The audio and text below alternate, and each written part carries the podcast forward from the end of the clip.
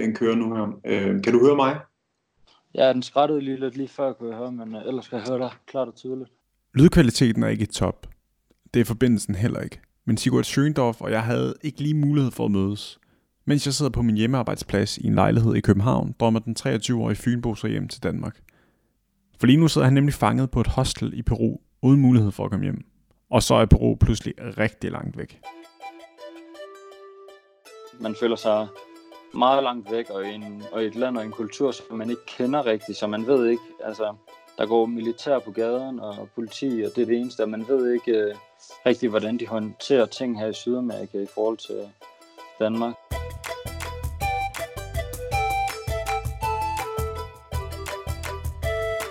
Mit navn er Michael her, og jeg er vært på den her udsendelse af Spillerforeningens podcast Spiller til Spiller, der bringes i samarbejde med Mediano. Vi bryster os af, at vores udsendelser ikke handler om falske nier og 442. De handler i stedet om vores medlemmer og de udfordringer, de står overfor og den hverdag, de lever. Og ligesom det er tilfældet for de fleste andre, er den hverdag for øjeblikket i høj grad påvirket af coronavirus. Det gælder ikke mindst Sigurd Schøndorf. Jeg lader ham om at sætte scenen. Jamen, øh, jeg spillede, da jeg blev 15 år, startede jeg med at spille, øh, eller startede på FC Midtjyllands Akademi deroppe, og der var jeg i fire og et halvt år, hvor jeg første gang ender med at tage en pause øh, med fodbold på grund af den her knæskade, som jeg, som jeg stadig dør lidt med. Og så øh, kommer jeg tilbage efter et par år, fordi at det var, der var problemer med at finde ud af, hvad der lige var galt. Men øh, så kommer jeg tilbage, og så starter jeg op hjemme i, øh, i anden division i Svendborg, hvor jeg kommer fra. Og så skifter jeg til Nykøbing FC i første division, og er der i, i to og et halvt år.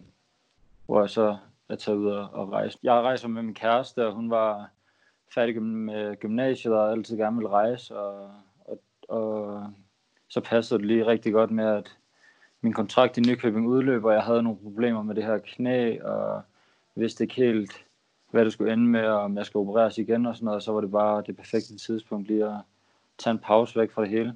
Men vi har rejst to og en halv måned i Sydamerika, og så endte her i Peru, og så var det meningen efter Peru, at vi ville rejse til Indien, og så rejse videre ned sydøst mod øh, i Asien. Det var meningen, at vi skulle have været afsted i 6 måneder, men det bliver lidt kortere. Faktisk kan den næsten kun blive for kort, for Sigurd og kæresten vil bare gerne hjem i trygge omgivelser.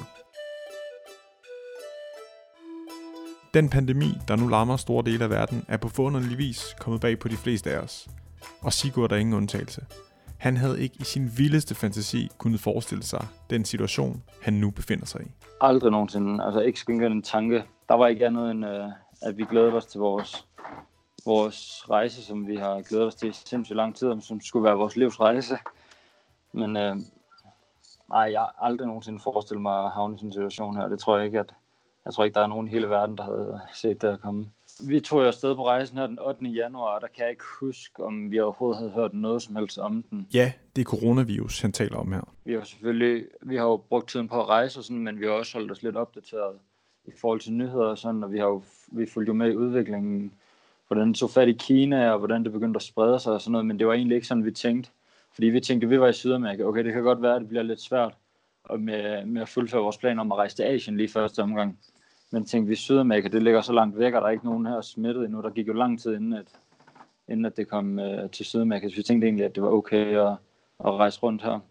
Men jeg kan ikke lige huske præcis, hvornår. Det, sådan, altså det går nok først op for os, alvoren af det herover, da øh, vi hører, øh, jeg tror det er Jeppe Kofod, der, snart, der sagde, at øh, alle danske rejsende, de skulle skynde sig hjem. Budskabet er både klart, enkelt og alvorligt. Man skal lade være med at rejse ud, medmindre det er absolut nødvendigt. Er man allerede i udlandet, bør man rejse hjem hurtigst muligt. Men det var først den dag, at alvoren gik sådan virkelig op for os. Og så gik det pludselig stærkt. Udenrigsminister Jeppe Kofod kom med sin udmelding den 13. marts. Sigurd og kæresten bookede umiddelbart efter billet til Danmark, så de efter planen skulle flyve hjem den 18. marts. Men sent ud på aftenen den 15. marts altså under tre døgn inden de to danskere skulle være fløjet hjem, udsender Perus præsident en pressemeddelelse. Men så hernede i Peru, der når, at, øh, når, når præsidenten han bestemmer sig for noget, så sker det fra det ene sekund til det andet. Så den 15. om kl. 10 om aftenen, der kommer der en pressemeddelelse i Peru om, at den 16. det er sidste dag, man har for at kunne forlade landet. Og så går vi jo lidt i panik, fordi at vi vil ikke strande her. Vi, vi anede ikke noget om, hvor lang tid, at, og, altså vi ved ingenting. Så vi skynder os at prøve at finde billetter til øh, Chile, fordi at det har jeg ikke åbent, så kan vi komme til Chile og så flyve til Danmark derfra. Men øh, alt blev revet væk fuldstændig, og så vi, øh, altså det var en fuldstændig umulig opgave. Jamen, altså, vi var mega kede af det, fordi vi havde glædet os til den her rejse og set frem til også at opleve Asien, når vi, altså, vi har gået sindssygt meget i bjerge og haft det rigtig hårdt her i, Asien, nej, her i Sydamerika og fået sindssygt gode oplevelser, så vi glæder os til at komme til Asien og måske slappe lidt mere af, og det havde hele tiden været i vores hoveder. Så det var mega nederen, og vi var meget triste over, at, at vi ikke kunne fortsætte rejsen og sådan her, der de første par dage. Og nu er det nok bare mere det der med, at vi gerne vil hjem, der fylder. For kæresteparet er strandet. I undtagelsestilstand i Peru med politi og militær i gaderne. For bare et par uger siden havde de verden for fødderne. Nu er hele deres verden et hostel, og så det supermarked, de allernådigst må handle ind i i et kort tidsrum, og kun en af gangen. Ja, vi bor på et hostel, som øh, altså vi er egentlig meget heldige, synes jeg, fordi at det er et af, de, et af de bedste steder, vi har boet på i forhold til, hvis man skulle strande. Sådan er der er sådan en lille gård inde på hostlet, så man føler stadig, at man kan være lidt udenfor. Når der er sol, så kan man ligge lidt i solen og sådan. Og ja, men ellers så, altså vi bor på det her hostel, og vi har mulighed for mellem 10 og 11 om formiddagen og gå i supermarkedet for at handle ind. Og ellers så må vi ikke gå ud.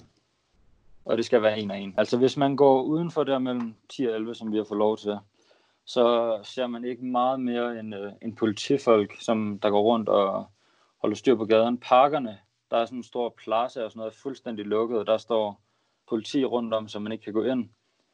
Øh, og så går vi op, vi har 100 meter op til vores supermarked, og der er sådan, altså der er, der, der, der ser vi et par mennesker, men det er ikke mange, og man skal have maske på for at komme ind.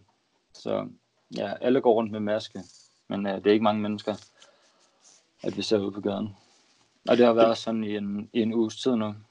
Og, men altså, der er, en lille, der er et køkken her, hvor vi selv kan lave mad med det, vi køber i supermarkedet. Og så, er der, så køber vi alle sammen frokost her. Der bor omkring 20 på det her hostel fra Australien og Spanien og Argentina og ja, over det hele verden.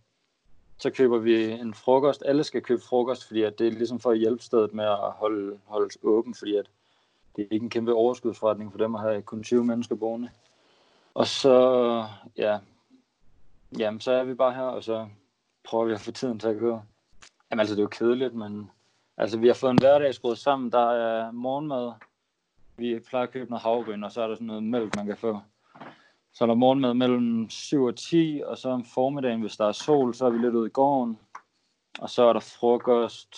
Ja, så, er der tit, så laver vi en lille træning herinde på hostlet med, med mange af dem, der bor her, sådan en lille fællestræning. Og så er der frokost klokken, det er meningen, det skal være 13.30, men det er altid lidt forsinket. Og det, det plejer egentlig at være okay. I dag der var det en lidt mærkelig ret. Noget et eller andet med noget komave eller sådan noget, så det, det var ikke så lækkert, men ellers har det været rigtig godt. Og så aftensmad, det er så, hvad vi handler ind i supermarkedet. Altså, vi har det jo på og grund fint, som vi har det lige nu, men det værste ved det, det er helt klart uvidstheden om, hvad sker der i morgen, og lukker det hostel lige pludselig, for så skal vi se at finde et nyt sted, og vi ved ikke om, hvor mange steder der har åbne, og hvem der overhovedet gider have nye ind, og ja, fordi vi har hørt også, der var to tyskere på det andet hostel lidt længere nede ad gaden, der blev testet positivt her forleden, så de er meget sådan påpasselige med, hvem de lukker ind på deres hostels. Så vi har ligesom en, en lille plan B for, hvad der sker, hvis det her det lukker ned. Vi har et andet sted, vi kan prøve at gå hen. Men det er jo ikke til at vide 100% til uvidstheden i det hele. Og det der med, at ting sker på få sekunder hernede. Altså nu sad vi og spiste hernede, og så fik vi at vide, at nu skulle vi gå op på vores værelser og være i, ja, i hvert fald en halv time, fordi der kommer nogen fra regeringen ind og tjekker, om alt det, som det skal være. Om, man må ikke drikke alkohol her, og man, ja, så skal vi tjekke, om, om folk sover for tæt på hinanden, og i går var der en sygeplejerske inden for at tjekke alle, for, for at tjekke alles temperatur og blodtryk. Så det er sådan lidt, altså, som vi har det lige nu, har vi det okay, men uvidstheden i, hvad, hvad, hvad sker der i morgen, og alt det der, den er, det, det er det værste ved det hele, helt klart. Du kan sikkert næsten forestille dig det. Hvordan sådan en situation på den ene side kan skabe en følelse af sammenhold, og på den anden en følelse af magtesløshed. Det er i hvert fald sådan, at stemningen er blandt de cirka 20 beboere. nemlig svingende, skiftevis anspændt og afslappet. Altså, der er, der, der er hyggeaftener, og, og folk får det jo det bedste ud af situationen, og der er stadig en masse sociale, sociale ting og socialt samvær, og folk hygger sig, men der er også frustrerende telefonsamtaler, og folk, der går rundt i cirkler med deres telefon og venter på at komme igennem til ambassader, og altså, der er ikke dem her, der ikke prøver på at komme hjem. Men det er klart, vi går ikke hele dagen og snakker i telefon. Der er også, altså vi spiller også bordtennis, og ja, sidder og hygger ved aftensmaden og sådan laver noget mad sammen. Apropos mad og hygge, så blev vores interview afbrudt af en spansk gæst, der vist heller ikke var videre imponeret over frokosten. Altså det vil selvfølgelig... Jeg to sekunder. Thank you.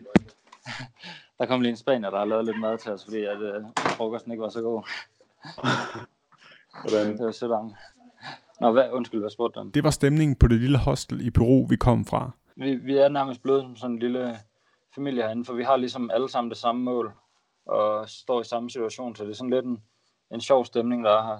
Sådan lidt, altså det er anderledes, end når man bare er på et normalt hostel, fordi vi ved ligesom, vi skal være her sammen i mange dage, og vi prøver alle sammen på det samme, og vi, altså, du ved, vi har den, det er de samme ting, vi snakker om, når vi vågner op. Det er der noget nyt, og ja, i forhold til vores situation, og det er spændende at høre, om de andre lande kan få deres fangede turister hjem, og så videre.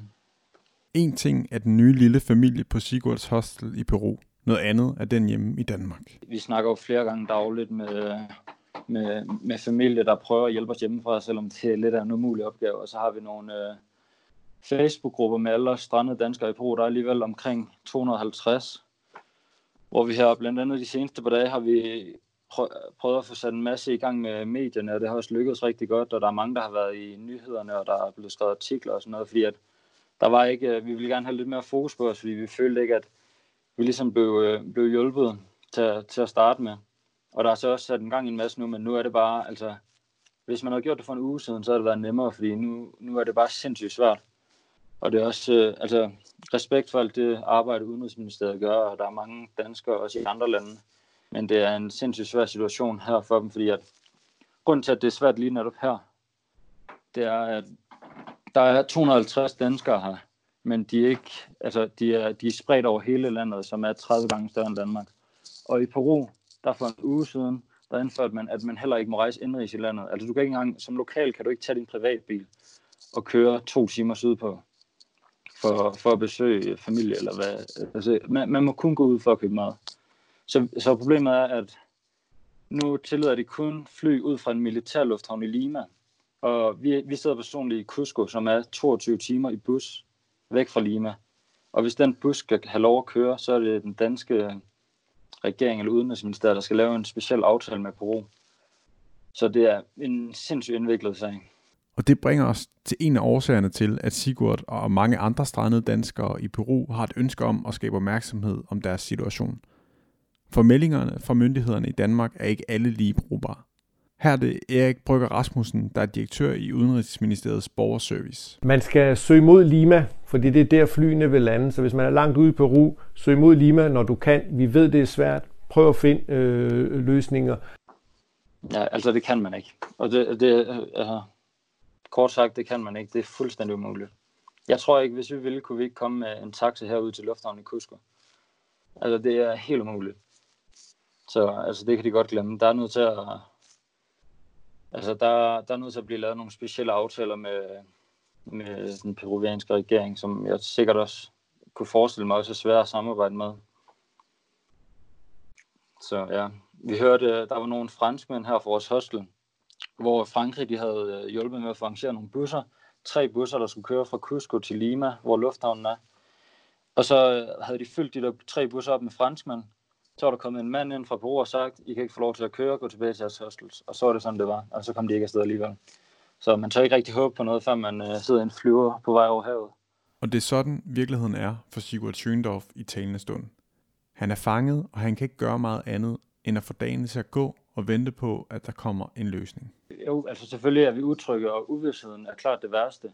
Men altså som hverdagen er lige nu, så er vi, altså, vi går ikke sultne i seng, og vi, altså selvfølgelig keder vi os, men det er jo ikke sådan, at vi, som der lige nu, er bange, men det vi måske kan være bange for, det er udviklingen af fordi vi ved ikke, hvad der kommer til at ske.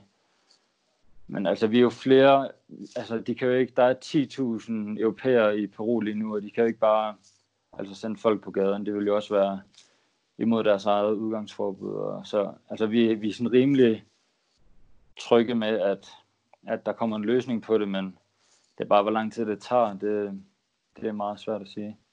Inden at, vi, inden at der kom alt det her med brug i medierne, der følte man lidt sådan der, at det var som om, der ikke skete noget, og så var det endnu mere, eller endnu mere frustrerende at bare være her dag efter dag, og ikke føle, man havde, altså der, der vidste vi ikke, om vi havde tre måneder her, fordi at, altså, det er meget forskelligt, hvad man spørger, også bare dem, der arbejder her. Vi spurgte en uh, dame i receptionen her på et tidspunkt, om stedet holdt åben, og så siger hun, at det lukker efter uh, marts, og så lukker Peru ned i tre måneder. Og det er så ikke noget, vi har hørt nogen andre sige bagefter, men det er bare sådan, altså der er så mange sindssygt mange forskellige input fra mennesker, og den ene siger det ene, og den anden siger det andet, og ja, meget forvirrende. Men, men nu føler vi, at øh, vi er glade for, at Danmark de prøver at få os hjem nu. Jamen altså, jo mere opmærksomhed der kommer på det her lige nu, jo større chance. Altså, det er jo ikke, vi vil jo sindssygt gerne hjem. Altså, sådan er det heller ikke. Altså, vi vil virkelig gerne hjem til vores øh, familie, selvom Danmark heller ikke er det fedeste lige nu. Og hvis der kan komme mere opmærksomhed på det her, så, så er det da kun en god ting. Hvornår Sigurd Schøndorf og hans kæreste kan komme hjem, står fortsat hen i det uvisse. Det samme gælder den fodboldkarriere, som Sigurd i talende stund har sat på standby. Altså, jeg, jeg vil sindssygt gerne tilbage til fodbold, men, men det, jeg føler bare, det er lidt ud af mine hænder. Det er, jeg har stadig nogle problemer med det her knæ, og jeg ved ikke, om der skal en til operation til, og jeg er blevet rørt to gange uden det sådan. Det har hjulpet for en periode, men jeg har fået tilbagefald hver gang, så det er en, ligesom det her også en ret kompliceret situation, men lige nu tænker jeg ikke mig selv som fodboldspiller. Jeg har søgt ind på, på et studie i Aarhus, og ja, jeg prøver at finde ud af, hvad mit liv uden for fodbold det skal handle om. Det er første gang, jeg skulle lige hjem fra Bro. Ja, det er, det er første opgave, der kan man få brug.